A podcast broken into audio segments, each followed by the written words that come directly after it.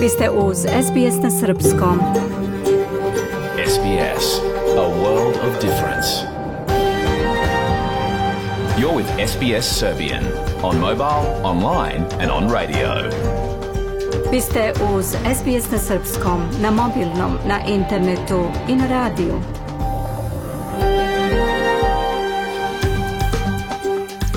SBS odaje priznanje tradicionalnim vlasnicima zemlje sa koje danas emitujemo program na srpskom. Ovim izražavamo poštovanje prema narodu Renđer i Vojvorung, pripadnicima nacije Kulini i njihovim prošlim i sadašnjim starešinama.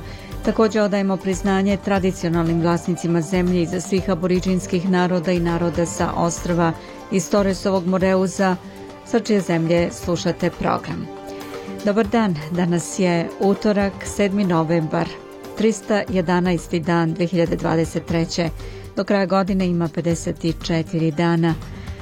Upravo počinje konjička trka Melbourne Cup. U toku emisije javit ćemo ko je pobednik, reći ćemo i o istoriji pehara koji se dodeljuje pobedniku.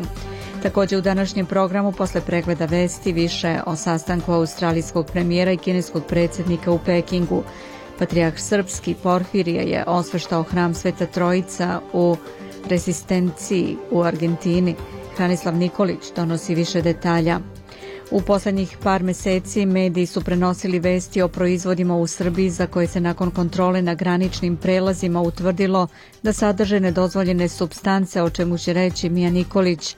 Dobrotvorna organizacija za zdravlje dece Kids Express ukazala na nedostatak podrške deci mlađoj od 14 godina koje imaju probleme sa mentalnim zdravljem. Opširnije i o tome. Ja sam Biljana Ristić, ostanite sa nama do 16 časova, sledi pregled vesti.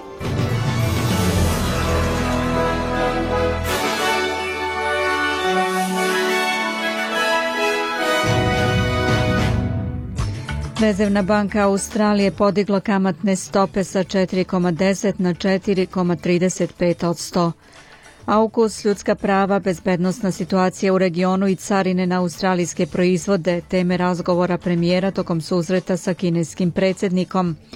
Otkazan dijalog u Briselu, lajčak u Prištini, diplomatska ofanziva za povratak pregovorima.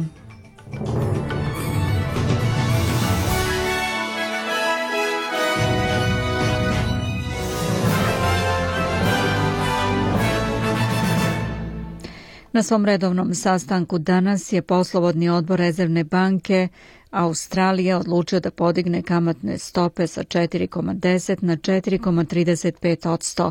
Ovo je prvo povećanje za 4 meseca, a kamatna stopa je sada na najvišem nivou poslednjih 12 godina. Rezervna banka je započela ovaj ciklus povećanja kamatnih stopa kako bi pokušala da smanji inflaciju u maju prošle godine. Kaže da će ponovo podići kamate ako bude potrebno u borbi protiv inflacije. Premijer Anthony Albanizi pozvao je kineskog predsjednika Xi Jinpinga da posjeti Australiju nakon produktivnog sastanka u Pekingu i također da je pozvan da ponovo posjeti Kinu. Kineski lider kaže da su Peking i Kambera razmotrili neke probleme pozivajući se na ključne sporove, uključujući ljudska prava, eskalaciju oko pitanja Tajvana i trgovinske carine na uvoz australijskih proizvoda u vrednosti od 20 milijardi dolara koliko je suma iznosila na svom vrhuncu. Gospodin Albanizi, koji se dva puta sastao sa kineskim predsjednikom tokom posete toj zemlji, uključujući sastanak u Velikoj sali naroda u Pekingu koji je trajao duže od sat vremena, kaže da ne misli da je odnos sa Kinom transakcioni. I have had, uh, no reason for Nisam imao razloga da sumnjam bilo šta što mi je obećao, bilo na sastancima ili tokom drugih diskusija koje smo vodili jedan na jedan. Sve je bilo iskreno i direktno i to je osnova naših odnosa, rekao je Albanizi ali ministar unutrašnjih poslova u Senci, James Peterson, kaže da je Kina prvobitno izazvala tenzije u odnosima i da je ključno da gospodin Albanizi ne napravi nikakve ustupke. Mislim da je najvažnija stvar da se on snažno zalaže za Australiju i naše nacionalne interese, da se zalaže da za doktora Yanga Hengjuna, australijanca koji je i dalje nepravedno pritvoren u Kini, da se zalaže za ukidanje preostalih carina na australijske proizvode i da se zalaže protiv špionaže i stranog mešanja u našoj zemlji za koje je odgovorna komunistička partija Kine, rekao je on. Bidenova administracija poslala je delegaciju u Australiju da proveri napredak odbrambenog partnerstva AUKUS.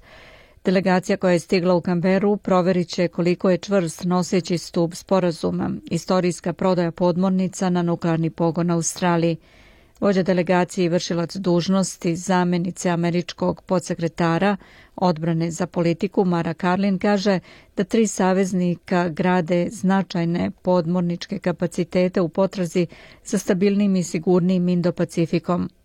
Trosmerni AUKUS pakt između Australije, Sjedinjenih država i Britanije je najveći odbrambeni projekat u istoriji Australije i odgovor na rastuću moć Kine u Indo-Pacifiku.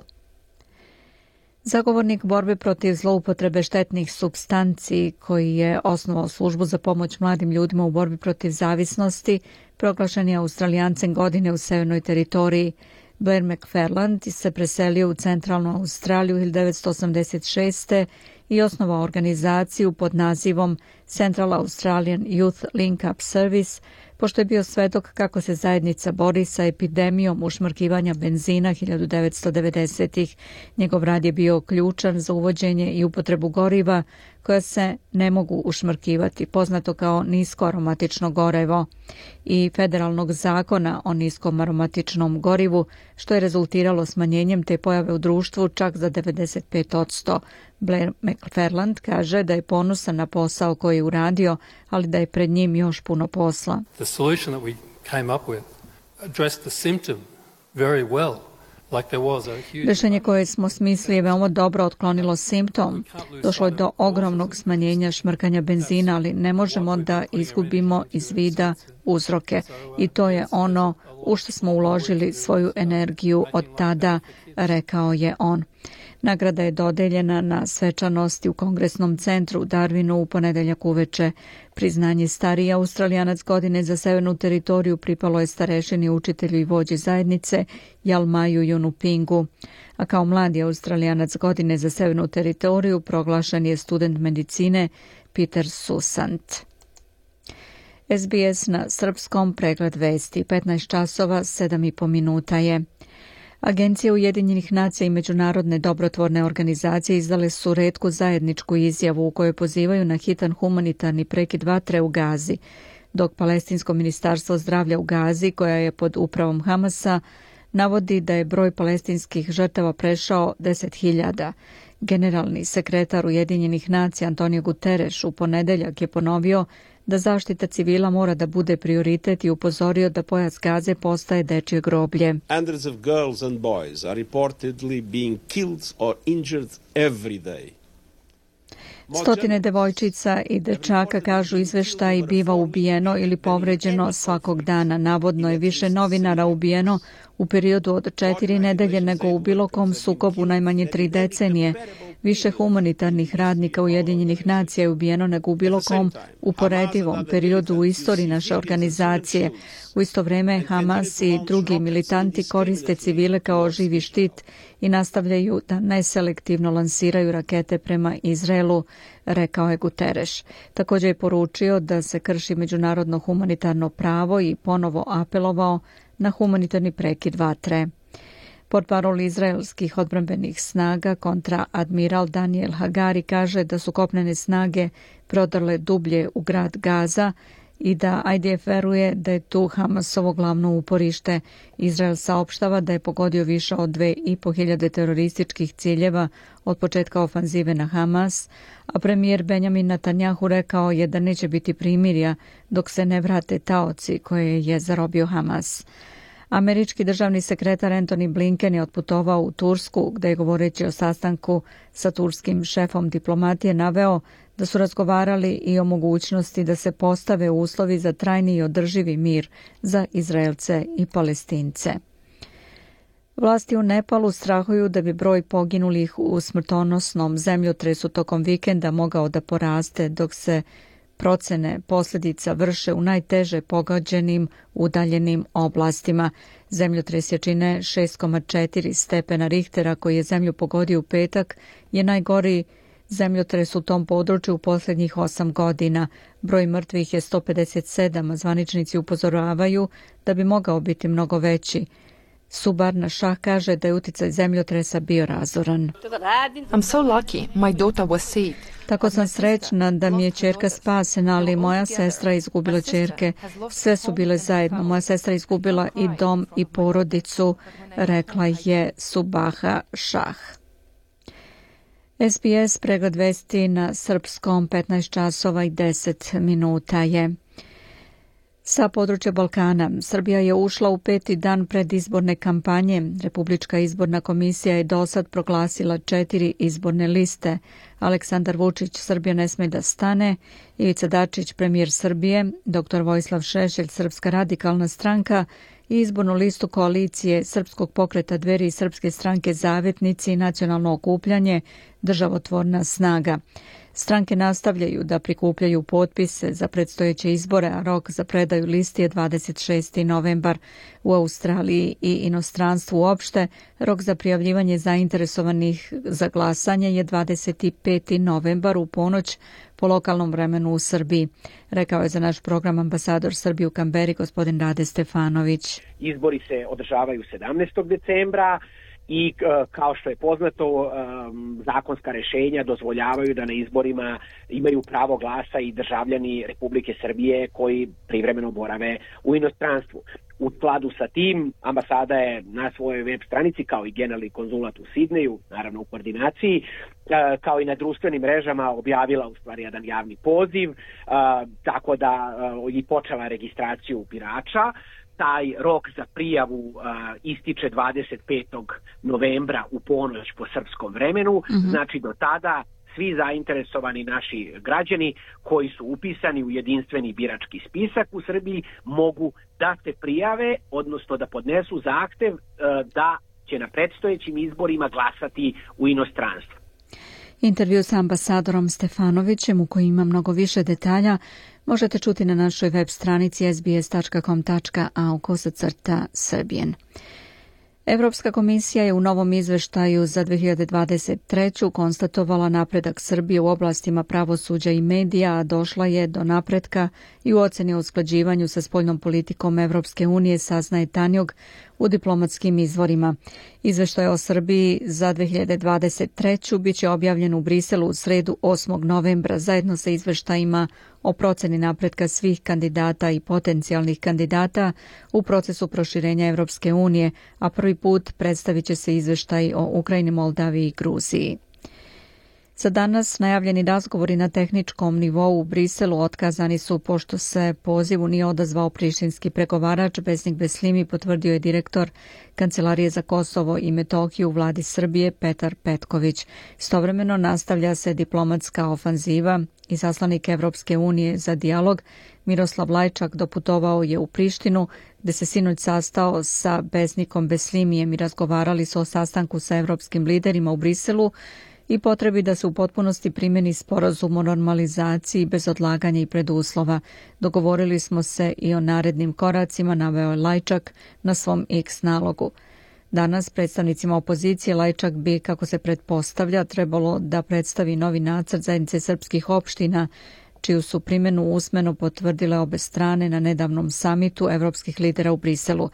Nacrt još nije javan jer su, kako kaže portparol Evropske unije, diplomatski napori u toku. Otkriva samo da je većinom izbalansiran. A Srbima na Kosovu i Metohiji neprihvatljiva je Kurtjeva najava da se tokom naredne godine očekuje raspoređivanje 600 vojnika i 500 policajaca na Kosovu i Metohiji. U sporuku neće moći da nas zaustave ni, jugu, na, ni na jugu ni na severu, navodi Milan Radojević, iz Srpske liste za radio televiziju Srbije. U svim normalnim društvima e, povećanje pripadnika broja policije bi trebalo da znači neku sigurnost. Međutim, na primjeru severa Kosova i Metohije u poslednjih godinu dana videli smo da povećanje njihovog broja zaista ima suprotan efekat. O tome naj, najbolje svedoče znači, i građani kao i veliki broj incidenta koji su građani imali sa pripadnicima i specijalnih jedinica, ali i običnim pripadnicima e, kosovske policije a diplomatski pritisak na Kurtija pored posete Lajčaka potvrđuje sa znanje sajta reporteri da on krajem nedelje ide na samit u Pariz, gde bi sa zvaničnicima Francuske i Nemačke moglo da se razgovara o povratku za pregovarački sto. Srbija i Jemen planiraju jačanje odnosa, poruka je nakon sastanka ministara spoljnih poslova dve zemlje javlja radio televizija Srbije. Prostora za saradnju ima pre svega u ekonomiji s obzirom na to da je razmena dve zemlje svega 5 miliona dolara godišnje. Jemen je zainteresovan i za saradnju u poljoprivredi, zdravstvu, kulturi, bezbednosti i odbrani, nauci i obrazovanju. Na tom sastanku Beograd je tražio uzdržanost po pitanju Kosova, a Jemen od Srbije očekuje podršku za svoj mirovni proces sa Hutima.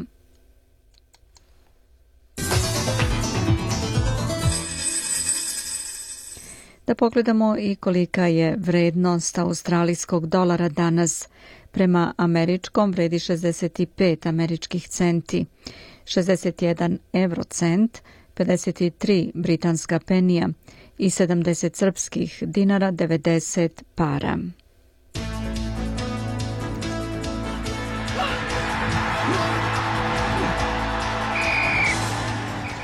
Pre nekoliko minuta na hipodromu Flemington završen je 163. Melbourne Cup. Pobedu u najznačajnijoj trci konja na južnoj hemisferi odneo je Without a Fight sa džokejem Markom Zarom, koji će poneti 4,4 miliona dolara i skupocen pehar.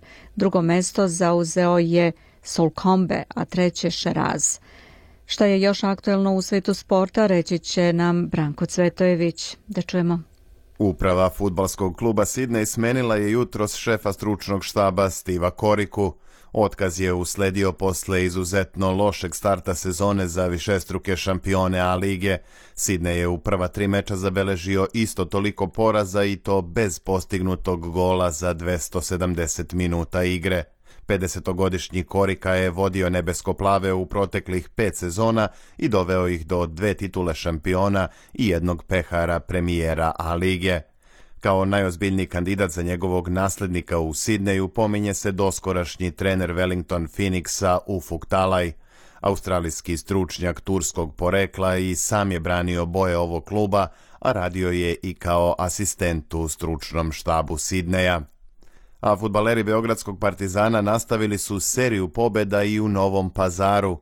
Golom holanđanina Ksandera Severine u drugom minutu meča Crnobeli su ostvarili 12. trijumf zaredom i sačuvali šest bodova prednosti u odnosu na drugoplasiranu Crvenu zvezdu. Ovog jutra po australijskom vremenu odigrana su još tri meča Srpske Superlige. IMT kao gost pobedio napredak u Kruševcu 4-0, Radnički iz Kragujevca je slavio u Subotici protiv Spartaka 3-0, dok je Lučanska mladost na domaćem terenu savladala Javor rezultatom 1-0. Za to vreme futbaleri Crvene zvezde se pripremaju za utakmicu četvrtog kola Lige šampiona protiv nemačkog Leipciga u Beogradu. Evropska futbalska unija UEFA odlučila je da u oči meča ublaži kaznu srpskom prvaku i dozvoli Zvezdi prisustvo 5000 gledalaca više nego što je prvobitno bilo određeno. Naime, crveno-beli su zbog diskriminatorskog ponašanja svojih navijača na meču protiv Young Boysa kažnjeni smanjenjem kapaciteta stadiona za 10.000 mesta – Sada je kazna ublažena, pa će Zvezda imati podršku više od 45.000 navijača. Takođe, Beogradskom klubu je smanjena i novčana kazna sa 62.000 na 40.000 evra. Utakmica četvrtog kola Lige šampiona između Zvezde i Red Bull Leipziga igra se u sredu ujutro od 7 časova po standardnom vremenu istočne australijske obale na kraju pregleda vesti da pogledamo i vremensku prognozu tokom popodneva.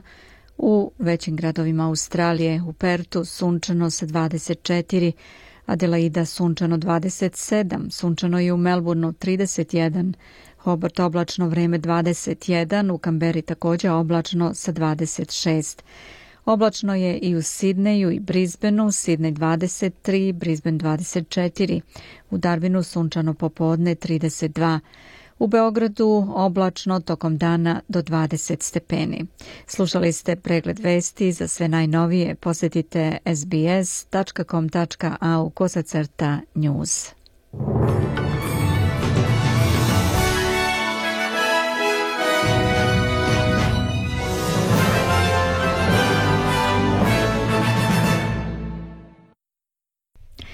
Vi slušate SBS na srpskom. Ja sam Biljana Ristić. Ostanite sa nama do 16 časova, a program nastavljamo aktuelnom temom.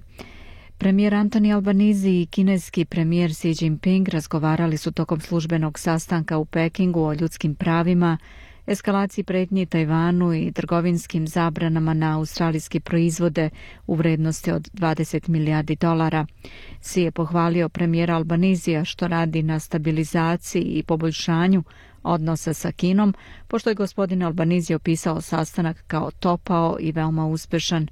Premijer Anthony Albanizi pozvao je kineskog predsjednika Xi Jinpinga da poseti Australiju tokom veoma uspešnog sastanka u Pekingu, piše Esam Algalib za SBS News.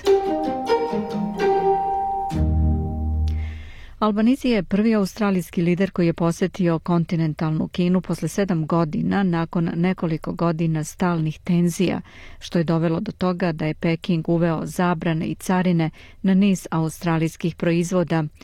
Samit je usledio nakon 18 meseci napora da se stabilizuju odnosi između dve zemlje. Gospodin Si je pozdravio gospodina Albanizija rukovanjem na početku bilateralnih razgovora i odao priznanje premijeru što radio na stabilizaciji veza između dve zemlje od kada je izabran na najvišu funkciju. Ushićeni gospodin Albanizi je rekao da je razgovor sa gospodinom Sijem bio razgovor dobre volje gde su razgovarali o zajedničkim interesima za dalju saradnju. I jedni i drugi se svakako slažemo da ne treba da nas definišu naše razlike, da priznamo da one postoje, ali i da prepoznamo zajedničku korist koju imamo, rekao je on. Premijer je rekao da je bilo razgovora na visokom nivou o trgovini i globalnoj ekonomiji, pri čemu je gospodin Xi izrazio pozitivne poglede na budući rast Kine Takođe je opisao razgovor kao pun pozitivnih anegdota od razgovora o tasmanijskim đavolima i pandama u Zološkom vrtu u Adelaidi do prednosti australijskog vina nad novozelandskim. Kada je reč o ključnim tačkama napetosti, gospodin Albaniz je rekao da je istakao nevolju u kojoj se nalazi pritvoreni australijski pisac Yang Heng Jung, iako nije želeo da da nikakve naznake o izgledima za njegovo oslobađanje, i pitanje ljudskih prava u Kini. Odgovarajući na pitanje da li je istakao podršku Kine Rusiji u njenom ratu protiv Ukrajine, gospodin Albaniz je rekao da su razgovarali o uticaju sukoba u svetu, uključujući Ukrajinu i Bliski istok. Rekao je da je predsednik predao zahtev Kine za pridruživanje sveobuhvatnom i progresivnom sporazumu za transpacifičko partnerstvo, ali nije eksplicitno tražio podršku Australije potvrdio je želju Kine da se pridruži TPP-u samo kao deo opšteg pitanja o globalnoj trgovini i globalnom ekonomskom angažmanu, rekao je Albanizi. Gospodin Si je rekao da njegova zemlja nastoji da unapredi harmoničnu saradnju kako bi postigla obostranu korist.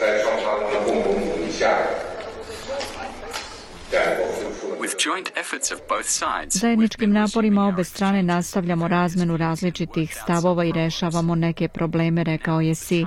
Sada su odnosi Kine i Australije krenuli pravim putem poboljšanja i razvoja. Jako mi je drago da to vidim. Zdrave kinesko-australijske odnose na korist i interes obe zemlje. Pre njihovog sastanka gospodin Albanizi je rekao to je zaista istorijsko vreme za mene. The engagement that I've had uh, with, uh, with China, with Od sastanka pre godinu dana napredak koji smo postigli u unapređenju naših odnosa tokom tog vremena je nesumnjivo veoma pozitivan, rekao je Albanizi. Verujem da svi možemo imati koristi od većeg razumevanja koje proizilazi iz dijaloga na visokom nivou i međuljudskih veza i da će jak odnos između naše dve zemlje biti od koristi u budućnosti. Tamo gde nastaju razlike, važno je da imamo komunikaciju, kaže Albanizi. Na vrhuncu tenzija između dve nacije 2020. Kina je uvela kaznene trgovinske sankcije na australijski izvoz u vrednosti od 20 milijardi dolara. Sankcije sada iznose samo 2 milijarde dolara. Albanizi kaže da se nada još jednom prodoru u tom sektoru. Uh, I think it, there are promising signs we've already seen. Mislim da postoje obećavajući znaci. Već smo videli da su uklonjene brojne prepreke za trgovinu između naše dve zemlje i da je već uklonjeno značajno povećanje u trgovini između naše dve nacije, a primer je ječam koji se već ponovo izvozi. Ovo je drugi put da se premijer zvanično sastao sa gospodinom Sijem nakon što su se dva lidera sastala na marginama G20 na Baliju pre godinu dana.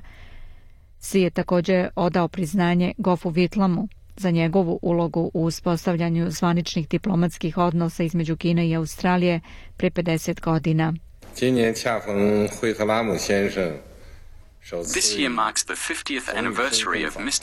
Ove godine se navršava 50 godina od prve posete gospodina Whitlama Kini kao premijera Australije. Kao što kineska poslovica kaže, kada pijete vodu, nikada ne treba da zaboravite one koji su iskopali bunar. Kineski narod nikada ne bi zaboravio Whitlama, čoveka koji je iskopao bunar za kinesko-australijske odnose. Sada smo započeli novih 50 godina odnosa Kine i Australije. Vaša trenutna poseta se gradi na dosadašnjim dostignućima i otvara nove perspektive, rekao je Xi Jinping. Putovanje gospodina Albanizija poklapa se sa godišnjicom te posete, a obilazeći znamenitosti stopama nekadašnjeg laborističkog premijera, gospodin Albanizija odbio ponudu da se nasloni na eho zid i ponovi kultnu Vitlamovu fotografiju. Prošlo je 50 godina otkako je Goff Whitlam postao prvi australijski premijer koji je posetio Kinu. Otkako je posetio nebeski hram u Pekingu, mnogo se promenilo – ali ono što je konstantno jeste da angažman naše dve zemlje ostaje važan, napisao je Albanizi na svom X nalogu. Ministarka spoljnih poslova Penny Wong pridružila se gospodinu Albaniziju u obilasku kineskih istorijskih znamenitosti, stojeći pored njega kod Eho zida i hodajući rame uz rame s njim kroz hram. Ali australijska delegacija je želela da se drži svojih krajnjih ciljeva posete – AUKUS je bio tačka spora između Australije i Kine. Kina se snažno protivi AUKUS-u, bezbednostnom savezu koji uključuje Australiju, Ujedinjeno kraljevstvo i Sjedinjene države, za koji Kina veruje da odražava hladnoratovski mentalitet i hegemonističke prakse koje imaju za cilj da je obuzdaju. Kina također strahuje da bi AUKUS mogao potkopati globalni režim nuklearnog neširenja zbog transfera tehnologije u Australiju. Gospodin Albanizi je ponovio posvećenost vlade bezbednostnom paktu usred tenzija u Indo-Pacifiku između Sjedinjenih država i Kine. Well, we're committed to AUKUS and we're busy implementing it. Mi smo posvećeni Augustu i zauzeti smo njegovom primenom i to je ono što mislim kada sa ljudima pričam iskreno. Bili smo otvoreni o našem angažmanu. Mislim da je Aukus u nacionalnom uh, interesu Australije. Također smatramo da je Aukus sredstvo za promociju bezbednosti, mira i stabilnosti u regionu, rekao je Albanizi a kako su se tenzije topile i odnosi zagrevali, premijer je pozvao Sija da poseti Australiju, na što je on pristao, a on za uzvrat pozvao gospodina Albanizija da se vrati u Kinu u još jednu posetu. Premijer će se sastati i sa kineskim premijerom Li Jiangom u velikoj sali naroda gde će biti svečani doček poslednjeg dana posete Kini. Ja sam Biljana Ristić, slušate program na srpskom.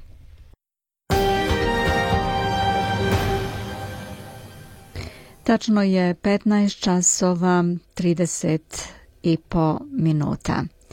Nastavljajući višednevnu posetu Argentini, njegova svetost, patrijah srpski gospodin Porfirije služio je 5. novembra čin osvećenja hrama Svete Trojice u rezistenciji.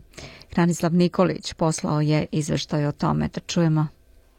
Srpski patrijarh Porfirije, koji je u višednevnoj poseti Argentini, služio je u nedelju čin osvećenja hrama Svete Trojice u rezistenciji u argentinskoj provinciji Čako. Sasluživali su episkopi Niški Arsenije, Buenosajerski i južnocentroamerički Kirilo, dalmatinski Nikodim, budimljansko-nikšićki Metodije i remezijanski Stefan uz molitveno učešće pravoslavnog naroda saopšteno je iz Srpske pravoslavne crkve. Takođe, SPC je saopštilo da je patrijarh Porfirije razgovarao u petak u Buenos Airesu sa biskupom Miroslavom Adamčekum, apostolskim nuncijem u Argentini i arhijepiskopom Buenos Aireskim Jorgeom Garcijom. Povodom prvog dolaska poglavara Srpske pravoslavne crkve u Argentinu, u petak je služena svečana molitva u manastiru Svetog Save u Buenos Airesu, a patrijarh je tom prilikom apelovao da je potrebna molitva za sve ljude sveta, za mir u svetu, mir koji je širom planete danas ugrožen, pominjući pritom Ukrajinu, Palestinu i Izrael. Molim vas da se molite za našu braću i sestre na Kosovo i Metohiji, kao i za sve ljude koje žive na Kosovo i Metohiji, da tamo dođe mir, da gospod pomogne, da bude više razumevanja među ljudima, da ljudi u pomenutim mestima na svakom mestu razumeju da su jedni drugima potrebni i da na zemlji ima mesta za svakog čoveka, za svaku dušu, rekao je Porfirije. Njegova svetost, patrijarh srpski Gospodin Porfirije posetio je u subotu 4. novembra ambasadu Republike Srbije u Buenos Airesu. Poglavara Srpske pravoslavne crkve i njegovu sveštenu pratnju srdačno je dočekao gospodin Dejan Blagojević, otpravnik poslova ambasade Republike Srbije u glavnom gradu Argentine. U pratnji patrijarha bili su episkopi Buenos Aireski i južno-centralnoamerički Kiril, Niški Arsenije, dalmatinski Nikodim i remezijanski Stefan, kao i Vladimir Roganović, direktor Uprave za saradnju sa crkvama i verskim zajednicama Republike Srbije. Pozdravnu reč Patrijarhu Porfiriju uputio je gospodin Blagović, istakavši da je poseta njegove svetosti istorijska, Ovo je prva poseta patrijarha Srpskog Argentini i Latinskoj Americi. Značaj ove posete je istorijski, jer Srpska pravoslavna crkva vekovima predstavlja temelj duhovnog i kulturnog života Srba i ima ključnu ulogu u očuvanju verskog, nacionalnog identiteta i srpske tradicije, zaključio je Blagojević. Patrijarh je zahvalio na dobrodošlici i istakao veliki značaj rada ambasade Srbije u Argentini za dobre odnose dva naroda. Patrijarh je između ostalog poručio, veoma je važno da pomažemo jedni drugima kao braća i kao hrišćani. U ovim teškim vremenima moramo shvatiti da za postojanje mira moramo misliti na drugoga, Ako neko želi da postigne svoj unutrašnji mir, mora da brine o miru svog brata, svog bližnjeg. Tek kada postignete svoj unutrašnji mir i njegov brat će stići do mira, istako je patrijarh, stoji u saopštenju Srpske pravoslavne crkve. Eparhija Buenos Aireska, južno-centralnoamerička Srpske pravoslavne crkve, osnovana je 2011. godine. Na eparhijskom tronu je Kirilo Bojović, čije sedište se nalazi u sabornom hramu rođenja presvete bogorodice u Buenos Airesu.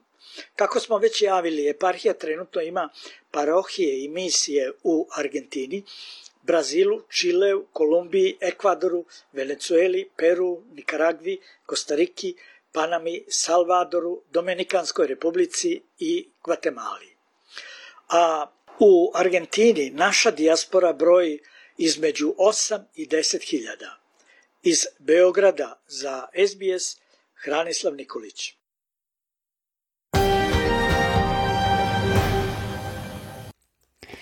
Slušate SBS na srpskom. Ja sam Biljana Ristić. Ostanite sa nama. Sledi tema iz Srbije. U poslednjih par meseci mediji su prenosili vesti o proizvodima u Srbiji za koje se nakon kontrole na graničnim prelazima utvrdilo da sadrže nedozvoljene substance, a uz otvaranje polemike o tome šta građani jedu i koliko su prehrambeni proizvodi ispravni, pojavila su se i upozorenja na netačne vesti o srpskim proizvodima, a uz njih i informacije da je mnogo više stranih tovara zbog neispravnosti vraćeno sa srpskih granica. Na liniji imamo Miju Nikolić. Mija, dobar dan. Recite nam šta je prvobitno pokrenulo ove tvrdnje koje su se pojavile u medijima? Krenulo je od čipsa iz Čačka koji je sadržao visok nivo kancerogenog akrilamida, a posle toga je u intervalu od dva meseca sa granica vraćeno nekoliko tona breskvi paradajza, krastavaca i šljiva namenjenih tržištima Hrvatske, Slovenije, Crne Gore, i zemljama Evropske unije.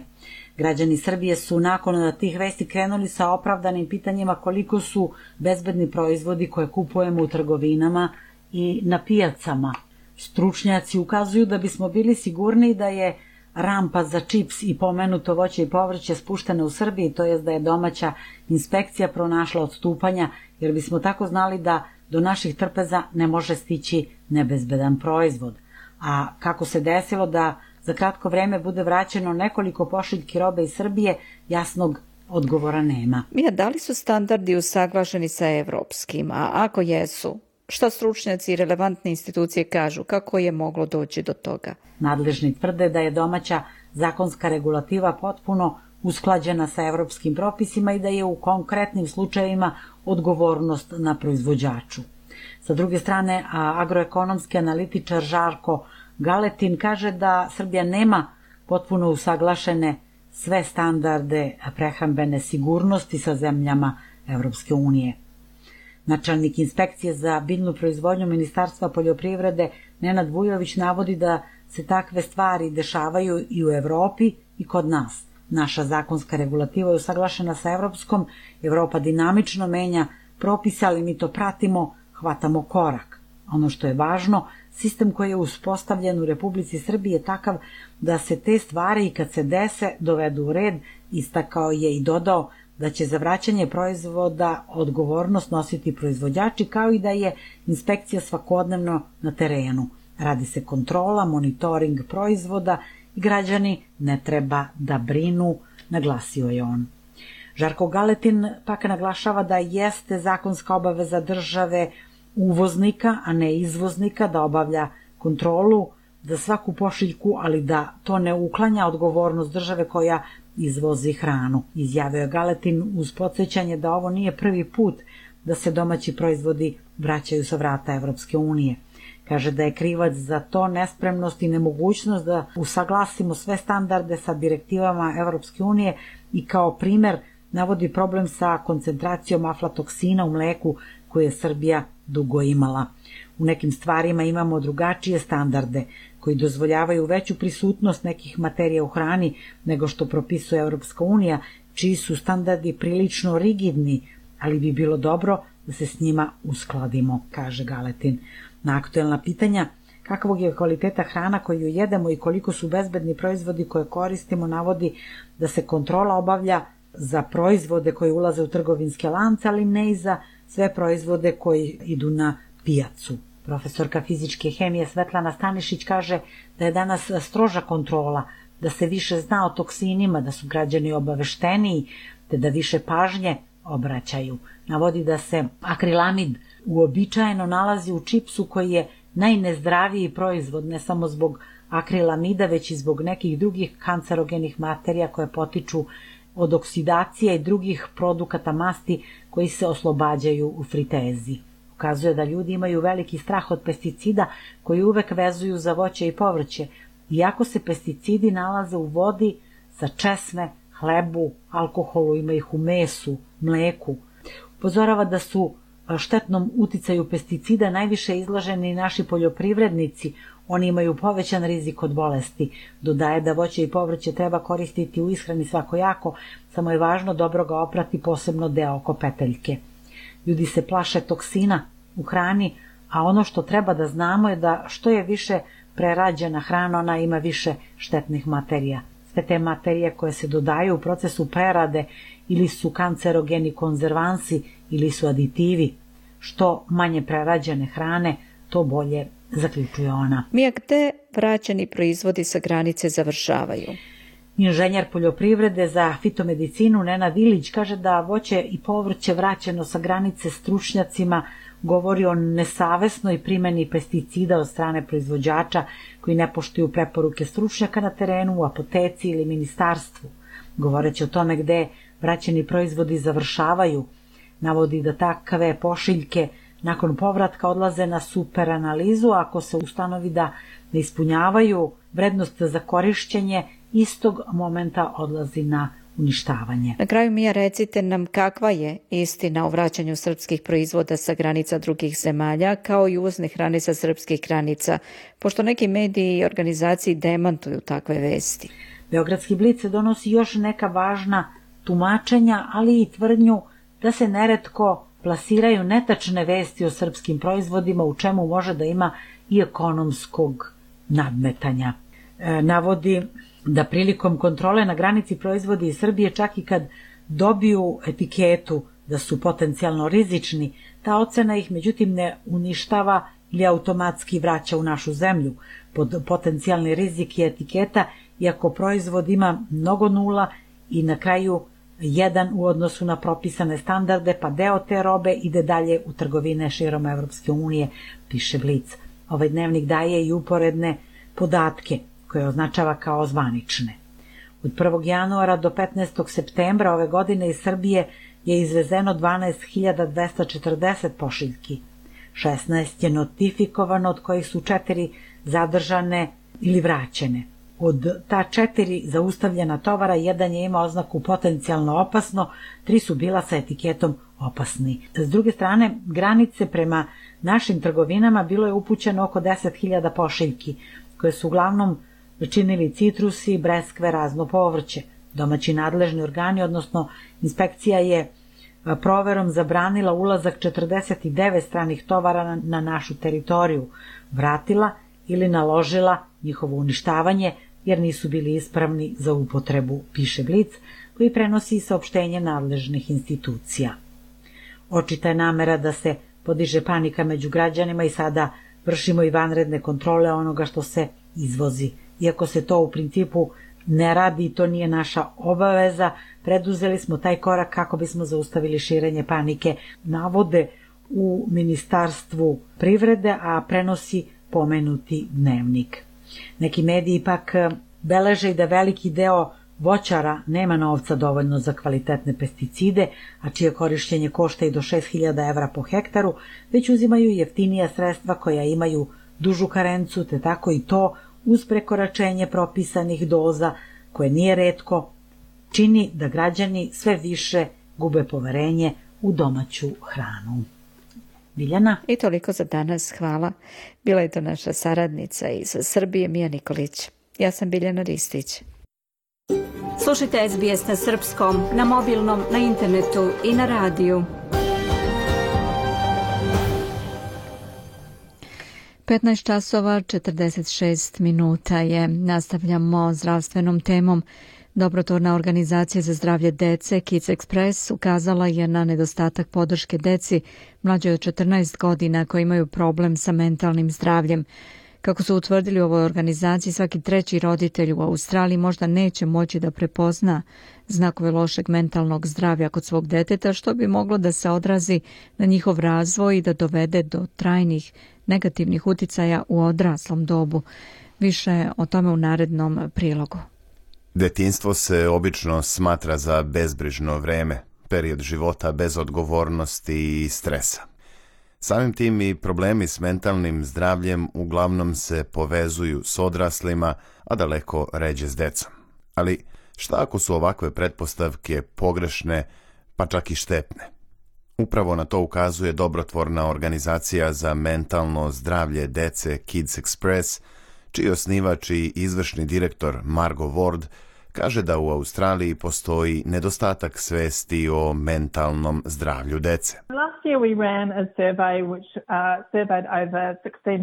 Prošle godine smo sproveli anketu koja je obuhvatila više od 1600 odraslih osoba širom Australije.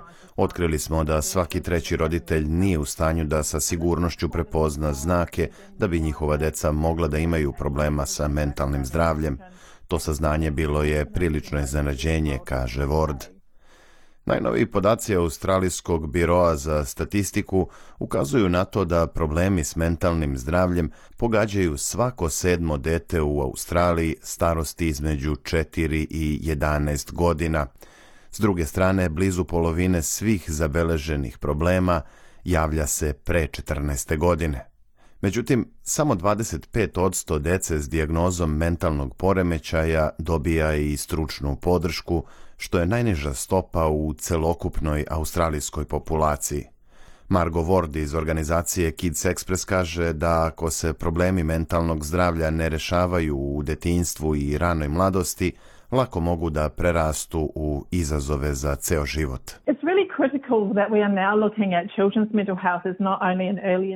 Ward kaže da je od kritičnog značaja da se na mentalno zdravlje dece gleda ne samo u smislu rane intervencije, već i kao na strategiju prevencije u svim starosnim dobima i kao na mentalno zdravlje ljudi u celini.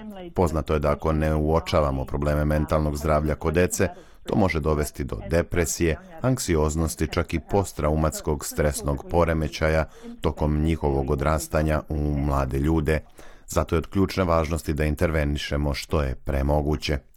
Zato je izuzetno značajno i znati odgovor na pitanje kako možemo utvrditi da li se dete suočava sa određenim problemima.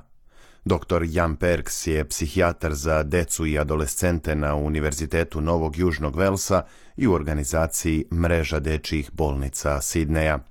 On kaže da jedan od signala može biti poremećaj spavanja kod dece. So the signs might include, for instance, uh, difficulty Znakovi problema s mentalnim zdravljem mogu da budu ako dete ima problem da zaspi ili ako ujutro ne može da se probudi, takođe promene u ishrani, poremećaj apetita, promene u ponašanju u vezi sa školom ili lošiji uspeh deteta u školi.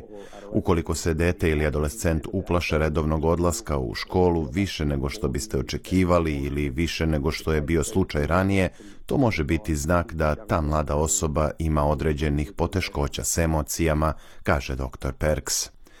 Prema podacima ABS-a, oko 70% najčešćih slučajeva u pedijatrijskoj praksi povezano je sa mentalnim zdravljem. Takođe utvrđeno je da prvih 2000 dana života deteta, odnosno oko 5,5 godina, predstavlja kritičan period. Zdravstvene intervencije tokom tog doba mogu dovesti do značajnih poboljšanja u ranim životnim iskustvima, kao i u zdravlju i razvoju deteta. Tony Fitzgerald je menadžer odeljenja za virtuelne usluge službe Kids Helpline za pomoć deci.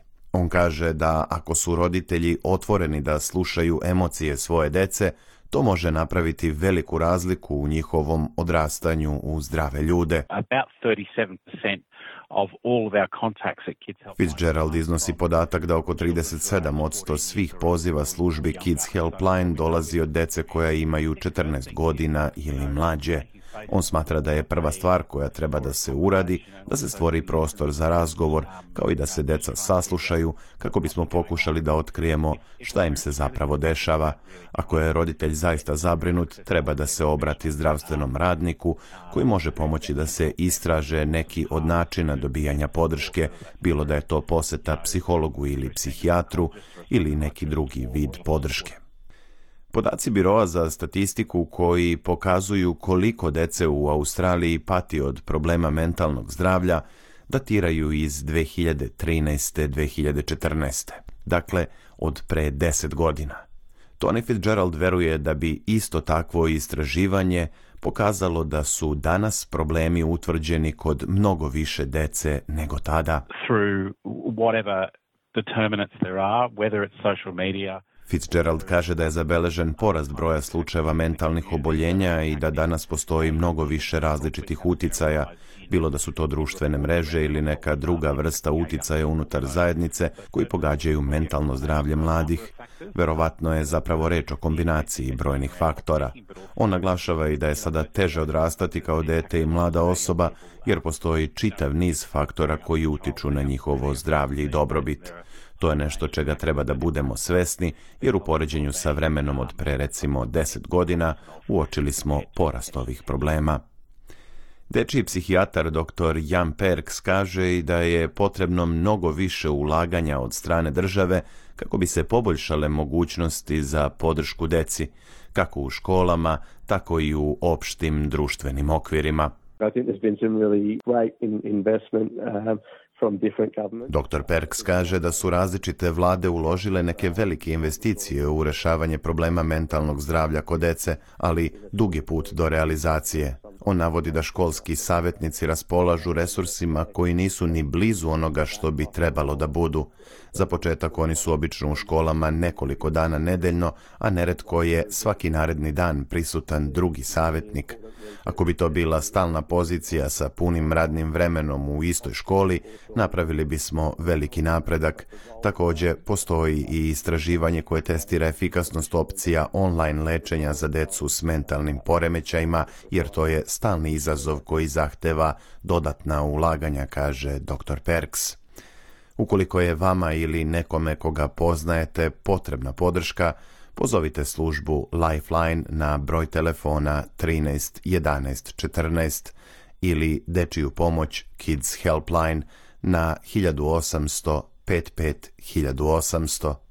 Autorka ovog priloga je Kiara Hein iz informativne redakcije SBS-a.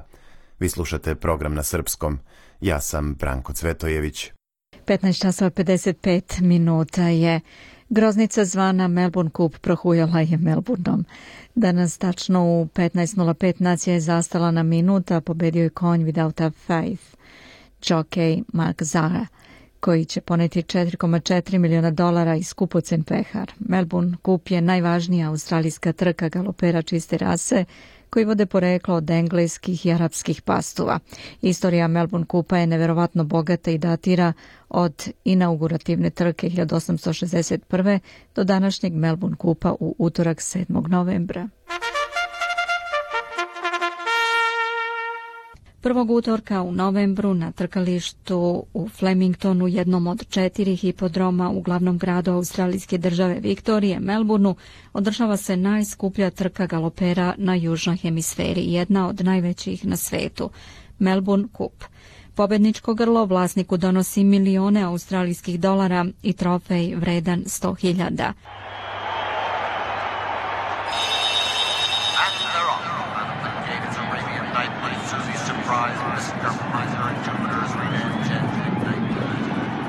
Pehar Melbourne Kupa je neverovatan trofej od 18 karatnog zlata. To je nacionalna ikona, možemo reći, koja je utisnuta u australijsku kulturnu tkaninu i jedan od najcenjenijih trofeja na svetu. Pehar kakvog danas poznajemo je dizajnirao gospodin James Teeth za Melbourne Cup 1919. po naručbi kompanije Victoria Racing, a izradio ga je čuveni zlatar Drummonds. Morris Teeth preuzeo je od oca izradu pehara, a posle njegove smrti Posao je preuzeo njegov asistent Lucky Roka i nastavio tradiciju. 1980. ta tradicija je data na poverenje zlatarima Hardy Brothers Jewels i proces izrade pehara koji je započet 1919. i dan danas se poštuje. Izvršni direktor kompanije Hardy Brothers Jewelers Stuart Bishop danas je čovek koji drži tradiciju u svojim rukama. Pehar je napravljen od 44 komada zlatnog metala ručno iskovanog za 250 sati. Interesantno je da je prvi pobednik kupa 1961. umesto pehara dobio zlatni sat a 1865. je godina kada je prvi put pehar dodeljen pobedniku. Bila je to srebrna zdela na postolju proizvedena u Engleskoj. 1976. prvi zlatni pehar je proizveden u Viktoriji u etruskanskom stilu sa dve drške, na jednoj strani ugravirana slika trke na Flemingtonu, sa druge ugravirano Melbourne Cup.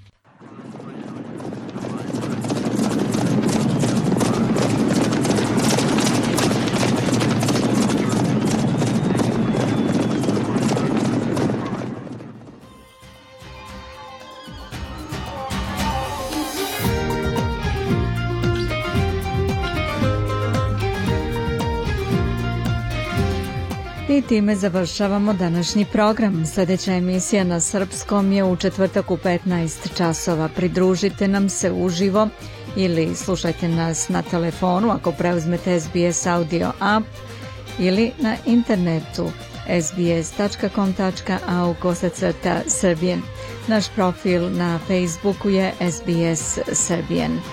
Sa vama je danas bila Biljana Ristić. Ja vam želim prijatan ostatak ovog utorka 7. novembra 2023. Doviđenja i do slušanja u četvrtak u 15 časova. Želite da čujete još priča poput ove? Slušajte nas na Apple Podcast, Google Podcast, Spotify ili odakle god slušate podcast.